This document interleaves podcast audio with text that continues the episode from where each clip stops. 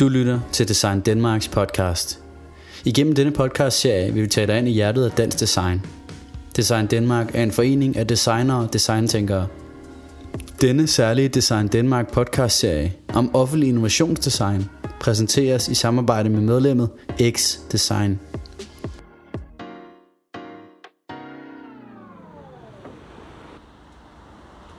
Første sæson af podcastserien De Offentlige Innovatør er slut. Men jeg er blevet kontaktet af Design Danmarks direktør, Abelone Warming, der gerne vil have mig til at fortælle om, hvad jeg nu ved og har lært om offentlig innovation efter at have lavet podcastserien. Jeg står derfor ude foran børsen på Slottsholmen i det indre København. Mange kender bedst den gamle bygning fra 1600-tallet fra det snoede tårnspir kaldet Dragespiret, og som er formet som fire dragehæler, der snor sig om hinanden. Bygningen er i dag ejet af Dansk Erhverv og fungerer som en kontorbygning og hovedkvarter for en række af landets største erhverv- og arbejdsgiverorganisationer. En af dem er Design Danmark, som er brancheforeningen for danske designere. Jeg vil nu gå ind og lade mig interview af Abelone. Hej, jeg skal ind og tale med Abelone fra Design Danmark. Ja, skal du bare ind på kontoret? Jeg skal bare ind på kontoret. Godt, du kunne bare du ved, hvor det er, ikke? Jo, tak skal du have.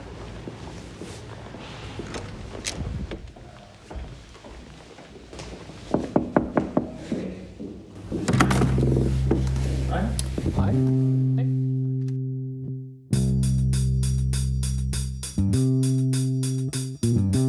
Mit navn er Nikolaj Bebe. Jeg er kreativ direktør i design- og innovationsvirksomheden X Design. Men det har jeg ikke altid været. I mange år har jeg arbejdet med offentlig innovation, hvor jeg har været med til at skabe arkitektur, produkter, digitalisering, service, arbejdsgange, processer og kompetenceudvikling inden for stort set alle aspekter af det offentlige. Alt sammen med fokus på at skabe noget nyt, der skaber værdi for mennesker. Og det er jo alt sammen meget godt. Men jeg har fundet ud af, at jo mere jeg ved om offentlig innovation, desto mindre føler jeg mig sikker på, at jeg altid forstår, hvad det er og hvad der kommer ud af det. Jeg har flere spørgsmål, end jeg har svar, og jeg har derfor begivet mig ud på en både fysisk og mental rejse. En rejse, som jeg gerne vil invitere dig som lytter med på. Vi skal rundt i Danmark og tale med fem markante innovationsledere. Fra Nationalmuseet i København til en innovationsenhed i Aarhus. Fra en forsker til en tidligere tredobbelt minister. Og lad os ikke glemme udviklingsdirektøren i Region Hovedstaden. Det disse fem offentlige innovationsledere har til fælles er, at de alle brænder for at nytænke det offentlige system og skabe et bedre og mere meningsfuldt offentligt Danmark. Måske ligesom dig, siden du lytter med. Rejsen begynder her, og du lytter til de offentlige innovatører.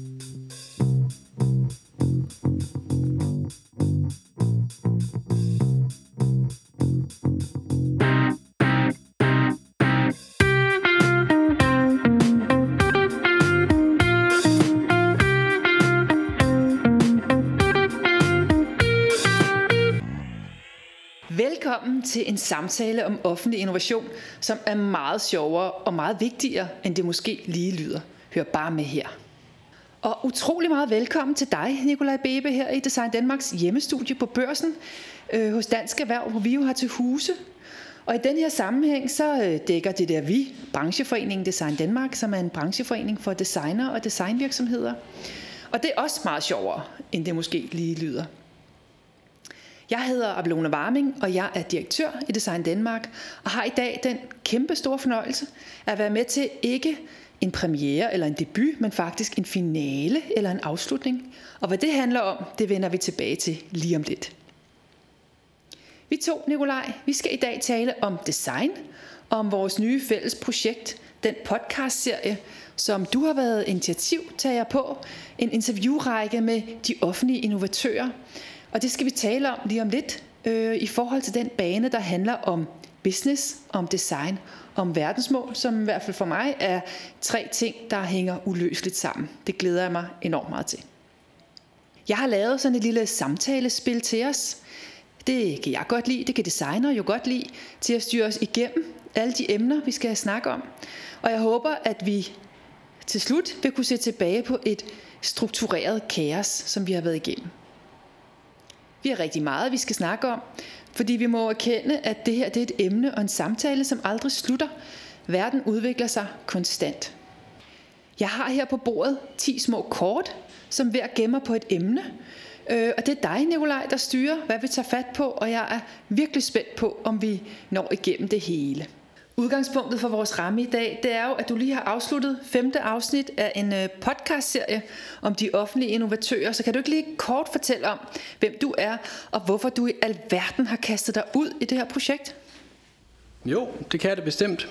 Jeg er kreativ direktør i design- og innovationsvirksomheden X-Design, som laver rigtig mange offentlige projekter, hvor vi går ind og nytænker og, øhm, og forbedrer det offentlige på alle mulige forskellige måder. Og jeg har også igennem min tid arbejdet rigtig meget med offentlig innovation, så derfor har jeg en øh, stor interesse og kærlighed til at gøre vores fælles eje bedre. Nå, Nikolaj, kast dig over et kort, og lad os se, hvad der står. Det første kort, jeg vil tage, det er det her, der står innovatør på. Det synes jeg lyder spændende. Ja, det er så godt, fordi øh, jeg synes i hvert fald, det er rigtig dejligt lige at få afklaret, inden vi kaster os dybt ud i det. Helt basalt, hvad er en innovatør egentlig? Øhm, og du har udvalgt nogen til de her samtaler øh, i din interviewrække. Men hvorfor har du lige præcis valgt dem, og hvad er en innovatør? Jeg synes, det er rigtig vigtigt at fremhæve her, at dem, der er med i denne podcast, siger jeg ikke nødvendigvis er repræsentativ for, hvad en innovatør er. Innovatør, en offentlig innovatør, kan være rigtig mange ting. Det kan være sygeplejersken, der på sygehuset ser, at der er et eller andet, der ikke fungerer, og så vælger at gøre noget ved det med en, en ny måde, som tager udgangspunkt i de mennesker, der skal bruge den løsning, hun ser ikke fungerer. Det kan være en hvilken som helst medarbejder i det offentlige, der ønsker at prøve på at skabe nogle forandringer, som øh, igen som udgangspunkt i noget, der ikke fungerer. Det kan også være en, en medarbejder, som faktisk er ansat med den titel, der hedder innovationskonsulent, som så har en faglighed, hvor man struktureret arbejder hver dag med at nytænke løsninger eller services.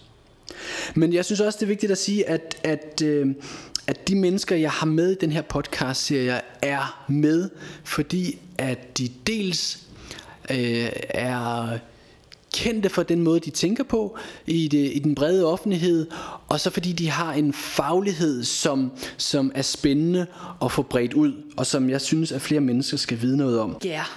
og det kunne godt være, at øh, vores lyttere nu har, har lyttet til de andre programmer, og hvis de ikke har det, så kan vi da allerede nu her opfordre til, at man gør det, for det her det er som sagt finalen på den her podcastrække. Ja, skal vi tage et nyt kort? Er du klar? Yes, jeg tror, jeg tager den her. Den lyder spændende. Der står forelsket. Nikolaj, hvorfor er vi så forelsket i det der ord innovation? Altså, der er jo lavet en masse forskellige øh, undersøgelser om, at vi alle sammen tillægger det forskellige betydninger. Øh, men oprindeligt så udspringer det jo i designtænkning, og det handler om at forny og forbedre. Øh, og vi har oplevet øh, i Design Danmark, at vi har lavet nogle analyser, også sammen med Dansk Design Center, og spurgt virksomheder ind, hvad er det for nogle øh, opgaver, de har brug for at få løst. Og der er der mange, der nævner innovation, men det er ikke mange, der forbinder ordet innovation med design. Jeg kan huske, at jeg gik på designskolen i gamle dage for mange, mange år siden. Så lærte vi jo det der med, if it ain't broke, don't fix it. Og hvad er det så, kan man sige, der er broke i vores dage, det offentlige? Hvad er det efter din opfattelse, som der skal innoveres eller udvikles på? Kan du sige lidt om det? Det kan jeg da forsøge. Nu var det jo flere spørgsmål, du stillede mig der, så nu skal jeg prøve på at svare på dem alle sammen. Hvorfor det, vi er så forelsket i innovation? Jeg tror, vi er forelsket, fordi at vi godt kan lide alt, der er nyt. Eller, og det har jeg så også lært igennem mit arbejde med offentlig innovation, at det er faktisk også udviklingsfolk, der godt kan lide det. Der er rigtig mange mennesker, der slet ikke kan lide innovation i det offentlige. Der er rigtig mange mennesker, der hader post-its i det offentlige, fordi det er blevet et symbol på lidt lalleglade processer, som ikke bliver til noget, som ikke møder reelle behov, men som måske mere svarer på nogle øh, arbejdsgange og lyster, som, som innovationsfolk har. Så øhm, jeg er faktisk slet ikke forelsket i øh, ordet innovation mere. Det har jeg været, det må jeg være ærlig. Det jeg er meget mere forelsket i, det er at dissekere ordet og prøve på at forstå, hvad betyder offentlig innovation egentlig? Og, øh, og det har jeg gjort det på mange måder gennem mit arbejdsliv, og det er også det, jeg prøver på at gøre i den her podcast. Så, øh, så det jeg vil faktisk vil sige, det var at øh, stop med at være forelsket i innovation, og så prøve på at forstå, hvad det egentlig er. Fordi alle mulige mennesker har forskellige øh, forståelser af ordet. Så spørger du mig også om det her med, at, øh, eller du siger, at det udspringer af designtænkning. Og det er jeg både enig og uenig i. Altså vi har jo set innovation i mange år. Altså man kan sige øh, indtil øh, mange år før, at, at designtænkning som begreb blev, blev opfundet. Øh, det jeg tror, design og designtænkning kan, det er det her med, at man virkelig prøver på at få en dyb forståelse, en dyb empati for brugerne, inden man skaber løsninger. Og det kan du godt øh, du kan godt lave innovation, hvor du ikke tænker på brugerne nødvendigvis, og du kan være heldig, eller du kan lave vandfaldsmodeller, innovationsmetoder. Men det, øh, som jeg har lært, og det jeg vil foreslå, i hvert fald det er det her med at virkelig forstå brugerne og inddrage dem strategisk i processer, specielt når det kommer til offentlig innovation. Så øh, skal vi have det næste kort. Der er en, jeg kigger på her, som jeg tænker er meget obvious lige nu. Ja, ja. Uden at jeg påvirker. Ja, det, nu står du jo og peger. Men, øh, men lad os tage den, for den lyder spændende. Det offentlige står der ovenpå, men, men hvad? Yeah. Kan videre, den dækker over? Nikolaj, hvorfor interesserer du dig for det offentlige? Hmm. Jeg har aldrig nogensinde set mig selv som person, der skulle arbejde i det offentlige. Og det var en helt tilfældighed, jeg kom til at arbejde der. Men øh, over tid så har jeg lært at elske det, og jeg har fået en, en stor kærlighed til det. Og jeg har også tænkt i forbindelse med den her podcast, hvad kan det være, der gør, at jeg gider at, at, at bruge min tid på det her. Men det, der er så vigtigt at forstå ved det offentlige, det er, at lige meget hvem vi er, så det er det det, vi har til fælles. Og i en tid her, hvor verden på mange måder øh, går i alle mulige retninger, og der er stærke kræfter på spil, også i de øverste ledelser i landet, så det er enormt vigtigt, at vi i Danmark husker på, at det er vores lim, det offentlige det lim, vi har imellem os. Så lige meget hvem man er, hvilken religion man har, eller hvad man stemmer på, eller hvad man arbejder med, og hvor meget man tjener, så er det det, vi har til fælles, og det er så enormt vigtigt at have noget til fælles, når man er menneske. Så det er derfor, jeg har prøvet på at undersøge, hvordan kan vi egentlig skabe det bedste, vi har sammen. Og så kan man øh, have nogle politiske opbevisninger omkring, om, man skal, om det offentlige skal have en, en større eller mindre størrelse. Det kommer jeg ikke ind på, og, og har ikke rigtig nogen mening omkring det. Men jeg tror, det er vigtigt at arbejde med offentlige, det offentlige for at skabe et bedre liv for alle mennesker.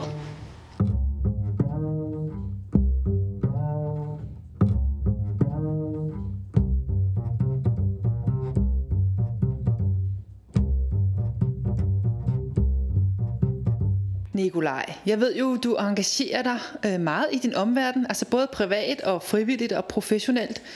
Du er tovholder på et vidensnetværk, vi har i Design Danmark om business design. Du sidder i vores bestyrelse.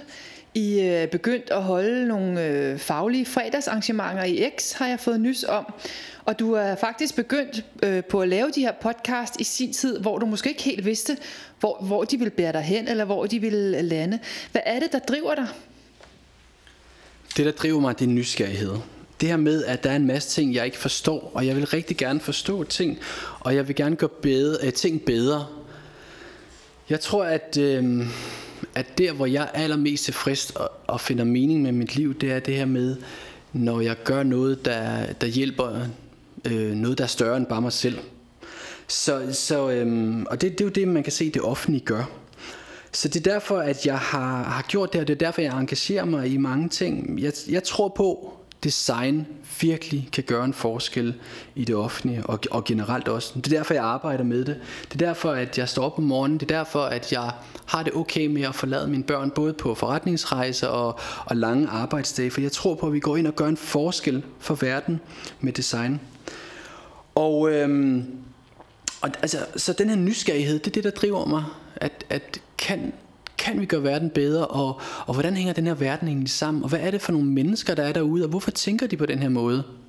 Jeg tror egentlig, at i bund og grund, at alle mennesker vil det bedste, men nogle gange så er der nogle omstændigheder, nogle systemer, der gør, at man ikke tænker på den måde. Og det er jo netop det, det offentlige er. Det er jo systemer, der er designet, og det er det, man skal forstå, at alt er designet. Så derfor skal nogle ting også redesignes. Du trækker et nyt uh, kort. Ja. Jeg tror, jeg tager den her, hvor der står demokrati. I din optik, er der så, hvis man ligesom ser ud over Danmarks grænser øh, og de systemer og løsninger, vi har, er der så nogle services eller nogle øh, løsninger, som du tænker, at vi som samfund kan lære noget af? Altså er det, er det danske system, som vi ønsker at tænke, er det forbilledeligt løst, eller kan du se øh, i retninger, hvor vi, vi kunne lære noget og blive inspireret? Jeg vil sige, jo ældre jeg bliver, jo mere erfaren jeg bliver, så kommer jeg til at elske Danmark mere og mere. Da jeg var yngre, så havde jeg enormt travlt med at komme ud i hele verden og se den og, og prøve at forstå den og, og lægge afstand til Danmark. Men som alle andre danskere, der har været afsted, så lærer man at virkelig værdsætte og forstå øh, det danske demokrati. Jeg øh, vil nu alligevel sige, at øh, når man øh, er ude i verden og, og, og kigger sig rundt, så er der jo også nogle ting, der gør det enormt besværligt at, at arbejde med innovation i Danmark øh, og offentlig innovation. Der er jo øh, en, en række ting, der foregår, som, som gør det svært. Biokrati for eksempel. Der er enormt mange biokratiske regler og ting, man skal igennem for at kunne skabe noget nyt. Øhm, men det er jo også ligesom den buffer, der ligger, som gør, at vi faktisk, øh, øh hvad, ja, hvad kan man næsten sige, ikke bliver røvrende nogen. Men, men hvis jeg nu så skulle vente om, så vil jeg sige, hvis man kigger på et land som Kina, der er jo ikke særlig meget demokrati der. Og det gør jo så, at, at den ledelse, der er i det land, at de kan lægge beslutninger, som ligger 15-20 år ud i tiden, som gør, at man faktisk bare kan eksekvere på det. I hver fjerde år i Danmark skal man øh, stemme, øh, og det måske kommer der en ny regering, og så starter det hele forfra. Sådan en, øh, en minister bruger cirka et år til halvanden på at overhovedet komme ind i deres ministerie og forstå, hvad det er, det hele går ud på. Og så har man så øh, to og et halvt år til at skabe nogle forandringer derefter. Og det er ikke altid godt, men det er demokrati. ja, nu bevæger vi os ud på rigtig spændende, spændende diskussioner. Øh, man kan sige, man kan jo håbe, at nogle af dem, der sidder på magten, beslutningshaverne, de trods alt øh, i fællesskab kan lave nogle lidt mere langsigtede strategier, så vi får fastholdt nogle af de her øh, tankegange. Grib et kort. Ja, jeg tror, jeg tager den her, hvor der står fremtiden på. Det lyder da spændende. Fremtiden er altid spændende, mest fordi, at vi ikke ved, hvad det er. Det kan vi jo godt lide som mennesker. Ja, yeah. Hvad tror du, ud fra, kan man sige, nu har du talt med de her mennesker, som sidder nogle steder, hvor de øh, beskæftiger sig med det her emne, hvor tror du, at de vil udfordres allermest i fremtiden? Altså man kan sige, hvis de repræsenterer det offentlige, hvor vil det, ud, det offentlige udfordres allermest i fremtiden? Ja, det er, da, det er da et godt spørgsmål. Jeg tror, at øh, der, hvor det offentlige bliver udfordret allermest, det er det her med, at det offentlige må begynde at rykke hurtigt. Og, øh, og det det er det ikke designet til. Der er rigtig mange arbejdsgange i det offentlige, som ikke understøtter, at man kan rykke hurtigt på noget som helst. Men hvis vi skal gå ind og faktisk løse nogle af de her ting, og her taler jeg om klimaet, jeg taler om indvandring, jeg taler om rockergrupperinger, jeg taler om arbejdsløshed, jeg taler om en masse frustrationer, der opstår ved, at, øh, at nogen bliver rigere og nogen bliver fattigere, så bliver vi som samfund og det offentlige nødt til at rykke meget hurtigere. Så det er den ene ting. Ryk hurtigt. Og det, det her, at design bliver rigtig interessant, fordi så skal man begynde at prototype og teste løsninger lynhurtigt og se, om der er noget, der virker. Og det er en udfordring. Det er vi ikke helt klar til i det offentlige.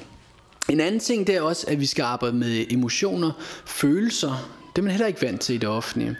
En af de store ting, som udfordrede mig, da jeg startede det offentlige, det var det her med uh, nulfejlskulturen. Det her med, at man hele tiden prøvede på og, øh, og, øh, øh, at vaske sine hænder, når man lavede ting. Det handlede om at skrive sig ud af noget. Jeg, jeg lærte meget hurtigt, at jeg skulle formulere mig enormt diffust i nogle ting, for at der ikke er nogen, der kunne sætte fingeren på noget. Og det havde jeg. Jeg havde det også der med, at, at øh, og det havde jeg til dags dato stadigvæk, det her med, at øh, der også er en kultur for, at øh, her går min grænse. Altså min, det, jeg arbejder med, går til grænsen af min, mit skrivebord. Og så det er slet ikke sådan, jeg tænker, og det er ikke sådan, man skaber offentlig innovation. Og det er der også rigtig mange mennesker, der ved i det offentlige. Så har vi lige et par stykker tilbage. Du kaster dig over et kort. Yes, jeg tror, jeg sætter den her. Kloge hoveder. Nu skal du høre. Du har jo interviewet nu en række kloge hoveder. Øh, nogle personer, som er utrolig forskellige. Men de beskæftiger sig jo alle sammen med og er interesseret i forandringerne i det offentlige. Er der et par udsagn eller et par udtalelser, et par indsigter, som du her efterfølgende, øh, der efterfølgende her står særligt stærkt frem hos dig? Det er der. En af de ting, som rammer mig rigtig meget ved at tale med de her øh, kloge hoveder, som det jo virkelig er, og erfarne ikke mindst, det er den her, faktisk den her ydmyghed, de har til deres arbejde. Man kunne godt tro, at, de, øh, at kvæg deres position og erfaring, vi lige vil vide, hvordan skabet står. Men jeg synes, det her med at gå ind og være nysgerrig og ydmyg og stille spørgsmål hele tiden, både til deres egen ledelse, men også det her med at, at sige, jamen, god ledelse, det er faktisk at involvere andre og, og være sårbar de mennesker, der er med i den her podcast, de tør tale om sårbarhed, og det er måske noget af det, det fineste, som jeg ser, øh, man kan arbejde med for faktisk at gøre øh, en forskel i offentlig innovation, selvom at vi ikke ligefrem har et system, der er skabt til at være sårbar i. Men jeg tror, det er vigtigt at forstå også, at sårbarhed det er noget, du kan bruge strategisk på rigtigt tidspunkt, ligesom din nysgerrighed også.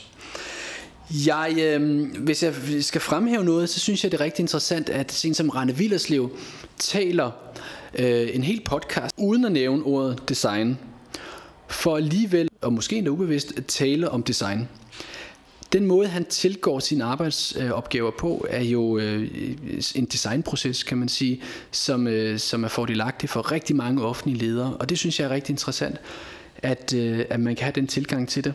Jeg synes også, det er interessant, at en øh, person som øh, Diana Arsovits taler om det her med vigtigheden af pause i arbejdet. Nu har vi i mange år løbet enormt hurtigt, øh, og jeg synes, det er virkelig værdifuldt, at vi begynder at fokusere på, at vi bliver nødt til at have nogle tænkepauser for at kunne skabe noget nytænkning.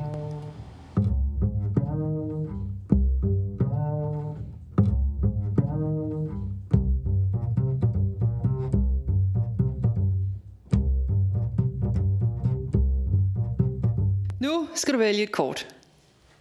Ja, men jeg tror, jeg tager den her. Den er jo svær at undgå her. Det er simpelthen verdens største kort. Øhm, der står også på verdens længste spørgsmål.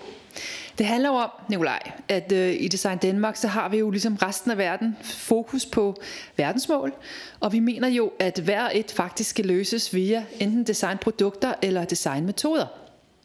Nu er det så, jeg vil spørge dig. I forhold til det offentlige, hvordan får vi så øh, bragt design på banen her? Altså den nye regering, hvis vi kan blive ved med at kalde den den nye regering, men i hvert fald vores regering, de har jo sat sig nogle ambitiøse mål i forhold til, øh, hvordan vi skal nedsætte vores forbrug og vores udledning. Og det bliver jo både erhvervsliv og industri, som kommer til at tage det på sig. Vi ved, at øh, 85 procent af et produkts miljøbelastning, det afgøres i designfasen, så der ligger jo kan man sige, muligheder øh, for designerne her, men der ligger også et kæmpe ansvar. Og det offentlige er jo på mange måder måske et lidt træt system, fordi der er nogle masse demokratiske processer, der skal øh, passes på og værnes om. Så hvordan får vi gjort det lidt mere agilt og fleksibelt i forhold til at nå de her niveauer, vi gerne vil via design? Mm. Ja. Et, et svært spørgsmål at svare på, men jeg vil sige, at vi gør det faktisk. vi gør det ved at bruge design. Og det lyder selvfølgelig lidt ført, men jeg tror, det er rigtig vigtigt at tænke på, at hvis vi vil gøre nogle forandringer, så må vi gøre noget nyt. Øh, Einstein er blevet kendt fra, eller for at sige det her med, at vi kan ikke løse morgendagens problemer ved at tænke med gårdsdagens tænkning. Det var jo noget af det, han sagde. Det kan godt være, det ikke er helt, helt korrekt citeret. Men meningen var vist rigtig. Jeg tror, at, at design spiller en kæmpe rolle, hvis vi i det offentlige, og også i det private, vil gøre en forskel og, og skabe en mere bæredygtig verden. Vi kan gøre rigtig mange ting. Der er rigtig mange ting, der kan løses, og det kan være alt muligt fra øh, vores... Øh, det offentlige har jo tit kantiner faktisk, eller det er jo selvfølgelig afhængigt af, hvor man er, men de steder, jeg har arbejdet, har der, eller er kommet, har der tit været en kantine. Men det betyder så også, at der er en masse madspil for eksempel der. Og madspild kan man jo tænke, at det er uundgåeligt, men jeg tænker, at det er en designudfordring. Så på den måde, så kan man sige, hvad er det egentlig for en adfærd, der er omkring de her ting? Hvad er det, der er af muligheder og potentialer? Det er jo det, øh, innovation og design kan. Vi kan gå ind og stille undersøgende spørgsmål, og vi kan afdække adfærd igennem vores research. Og så er det jo, øh, og det kan man sige, jeg vil lige sige, hvem kan ikke det?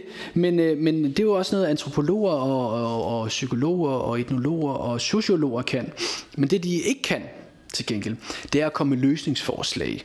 Øhm, der kan komme lange rapporter, dem har jeg set meget af i det offentlige, men designer kan gå ind og skabe løsninger og, og, og, og faktisk øhm, gøre det fra A til Z, og det synes jeg er helt unikt. Jeg synes også, at, øh, at det her med at skabe bæredygtighed er jo ikke kun noget med det grønne. Det handler også om økonomi. Øh, bæredygtig økonomi. Det handler rigtig meget i det offentlige også om, om flere bundlinjer. I nogle af de steder i det offentlige taler man endda om fem bundlinjer. En af, de syge, en af de vigtigste, som jeg vil fremhæve, det er den menneskelige øh, bundlinje. Og øh, det her med at forstå mennesker, det er det design kan. Vi kan gå ind og skabe løsninger, hvor vi skaber løsninger til mennesker. Så det jeg vil sige, øh, design i, i bund og grund kan gøre, det er, at, at vi kan forstå og skabe løsninger. Og derfor er design vigtigt. Det skrumper ind her af kort. Ja. Elle Belle. Mm, oh, den er spændende, den her. Hvad står der på den? Der står Joker. Joker. Joker. Ja, yeah, det er en joker, fordi... Da-da! Nu får du lov til at stille mig et spørgsmål. Øh, jo. jo, så kunne jeg måske tænke mig at stille tilbage til dig. Hvor ser du øh, designens rolle i det offentlige er i fremtiden? Ja, og der er det måske tilfældigvis vil jeg faktisk gribe det du selv sagde, for jeg tror meget af det handler om, at øh, det er ikke alle, der er klar over, hvad det er, design kan, og hvad det er for en forskel, øh, design kan gøre. Der er stadigvæk øh, mange opfattelser af, at design er en stol. Øhm, og vi ved jo, vores egen erfaring og hvad vi ser medlemmerne arbejder med, det breder sig jo mere og mere, og det går mere og mere på services, på ydelser, øh, på øh, effektivitet i både i det, i det private og industri og øh, det offentlige. Så jeg tror, som du siger, designfaget har en formidlingsopgave.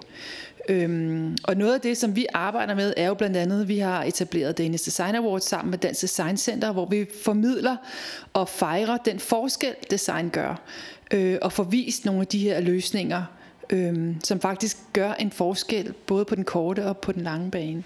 Men det er også her, jeg ser, at der er en udfordring, og det var måske også det, der ligesom fik mig til at starte på den her øh, rejse, som det har været at lave den her podcast serie. For jeg så nogle gange, at de projekter, vi lavede det offentlige, var svære at vinde designpriser på, og det var svært at fortælle historier. Et, øh, hvad jeg synes er et rigtig godt og smukt eksempel er, at X øh, Design i Norge har været med til at lave en medieringsløsning øh, til det offentlige. Fordi der, ligesom i Danmark er der rigtig mange mennesker, der bliver skilt i Norge. Og øh, ligesom i Danmark er det tit børnene, der kommer i klemme der. Så vi har været med til at gå ind og designe en løsning, hvor vi faktisk, øh, jeg har lavet en, en lang række greb, både digitale, men også helt, øh, hvad kan man sige, øhm, øh, måder, designe måder at tale sammen på. Hvordan taler de her to voksne mennesker sammen, der skal skilles? Hvordan taler de sammen på en god måde? Og hvilke informationer har de brug for på de rigtige tidspunkter? Og her er der rigtig meget design i gang. Der er både digital design, der er service design, øh, faciliteringsdesign og rigtig mange andre ting også. Øh, og der er også visuel design, eller kommunikationsdesign også fyldt rigtig meget. Så, øhm, så det er det, jeg ser, altså at, at bruge alle de her forskellige grene, som design jo har bredt sig ud i gennem de sidste øh, øh 10-20 år, at det er der, altså virkelig bruge den kraft i det offentlige. Du sagde også før noget omkring det der med altså tempo og langsomlighed, at, at øh, man kan sige udviklingen øh, både sådan øh, i forhold til digitale muligheder inden for design går utrolig stærkt. Og før man når at implementere noget i en kommune, øh, kommune eller en nation, så er man jo allerede videre. Så noget bliver, altså nu har der sundhedsreformer, der er mange eksempler på noget, øh, som hurtigt bliver forældet. Ikke? Og der tror jeg netop jo mere sådan smidigt, at man kan lave de der samarbejder, og, og øh, at vi får det simpelthen implementeret, at der sidder designere rundt omkring i kommunerne, som kan være med til at, at pege på nogle af de problem, problemstillinger, der kan være, og, og allerede der melde ind, at det kan løses via design, som jo er en super god metode, fordi den kombinerer bruger, teori og praksis øh, og test ret hurtigt, hvis det, hvis det bliver brugt rigtigt. Ikke? Mm-hmm. Nemlig. Og hvis jeg så skal pege på der, hvor design så også har det udviklingspotentiale, så vil jeg sige, at det at vi skal have aktiveret designer, som begynder at kalde sig implementeringsdesignere. Folk, der virkelig har en interesse i, at tingene lykkes. Altså at være med i det lange løb. Og bruge design til at implementere tingene. Og det handler rigtig meget om motivation. Så på den måde kan man sige, at der bliver øh, noget, som der er jo min baggrund, psykologi, også rigtig interessant at bidrage med ind i design. Nå, Nikolaj, nu er vi snart ved at være til vejs ende. Du kan vælge ud af alle det ene kort, der ligger tilbage. Så tror jeg, det er det her. Det er spændende det her. Og der står jo på kortet dit næste projekt. Så øh, det er jo sådan set bare det, jeg er interesseret i. Hvad delen skal du beskæftige dig med nu? Hvad er dit næste projekt? Jeg har en række projekter, jeg gerne vil beskæftige mig med. Det første og det vigtigste projekt, jeg har gang i lige nu, det er at få øh, den virksomhed, som jeg arbejder i, X-Design, til at blive rodfæstet for alvor i Danmark. Vi er store i Norge, og vi er i Brasilien. Men nu skal vi også øh, blive store i Danmark, og også andre steder i verden.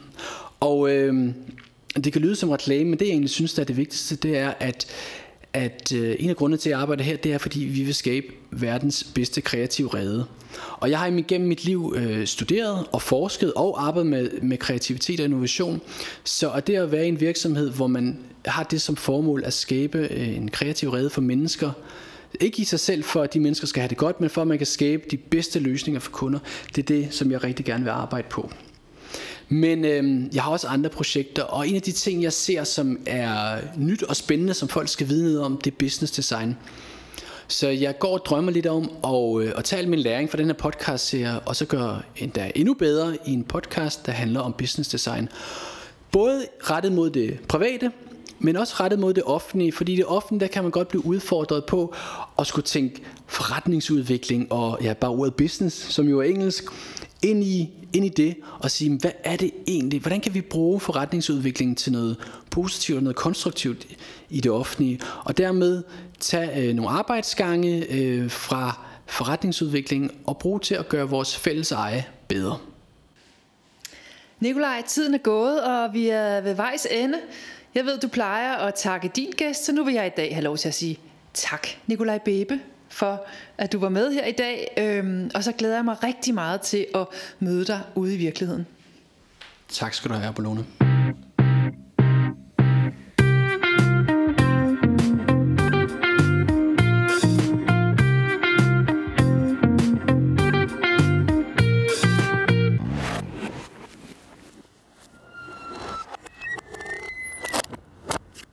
Du har lyttet til De Offentlige Innovatører. En podcast om offentlig innovation og værdien heraf. Podcasten er redigeret af Christoffer Ulebjerg Rasmussen, Rune Kirt og Nikolaj Bibe. Redaktion Ellen Grønborg. Vært, idé og musik af Nikolaj Bibe. Tak for at du lyttede med.